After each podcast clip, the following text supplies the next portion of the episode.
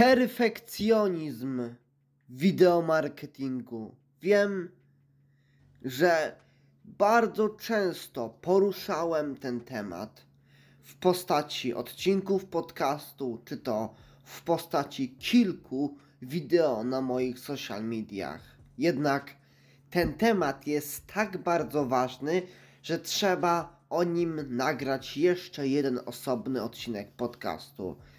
Po to, aby uświadamiać pewne firmy, pewne marki, co wiąże się z tym, jak będą chciały nagrać idealne wideo, stworzyć idealną kampanię wideo i czym to niestety najczęściej się głównie kończy. Jednak o tym zaraz.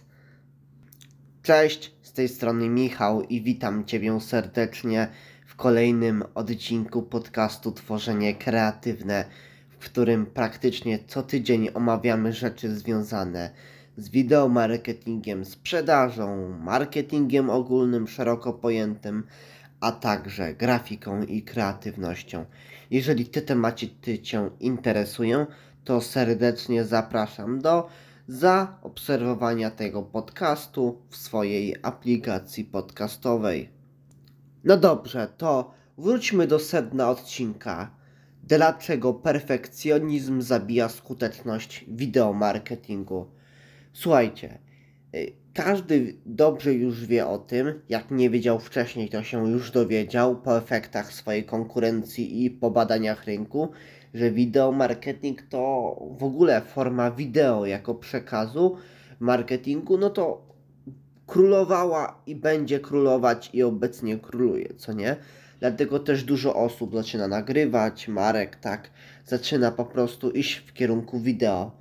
Tyle, że problem jest taki, że te marki bardzo często y, firmy od razu wynajmują ogromne studia, zaopatrują się w profesjonalny sprzęt. Słuchajcie, to nie jest złe oczywiście zaopatrzyć się w bardzo dobry sprzęt. Ja nawet, nawet fajnie, to można, nawet polecam.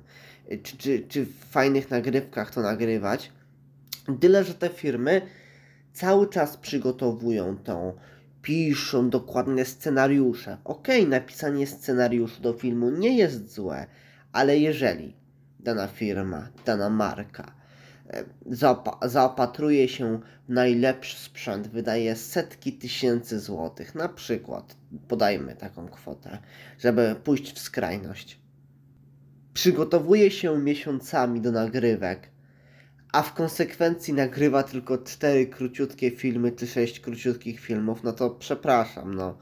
To nie jest żadna efektywność, to jest zmarnowanie pieniędzy, potencjału i czasu i tutaj mi właśnie o to chodzi, że bardzo często wiele osób, którzy chcą perfekcyjnie zrobić te wideo tak, żeby zarąbiście wyglądało tak jak w telewizji, to kończy się tym po prostu, że no wiadomo czym się kończy.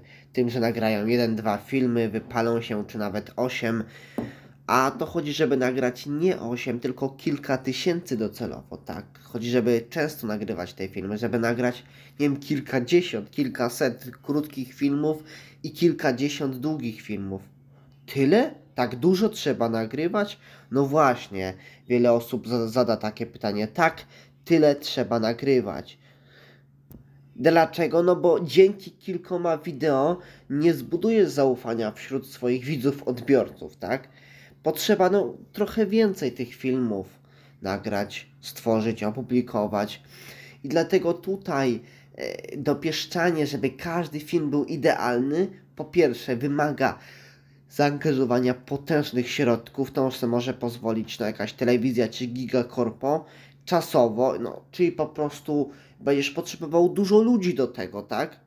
No i też ten proces nagrywek będzie zajmował Ci 8 razy dłużej niż gdybyś to robił normalnie. No i dlatego ja bardzo często odradzam małym, średnim firmom, na przykład, którzy, które chcą iść wideo marketing czy marką danym, na przykład e, osobom, które sprzedają swoje usługi. No nie wiem, na przykład dajmy z doradztwa kredytowego, co nie? Dajmy z jedną branżą, którą obsługuję.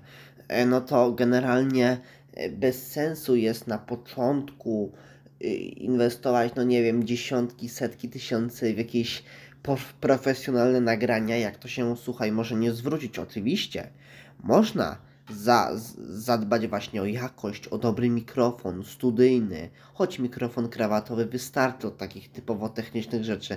Można nawet fajnie wynająć jakieś studio do nagrania. Okej, to nie broni, tylko nie broni, tylko chodzi o to, żeby nagrać nie kilka, tylko kilkadziesiąt tych wideo. I, no i nie wypalać się, żeby robić to konsekwentnie.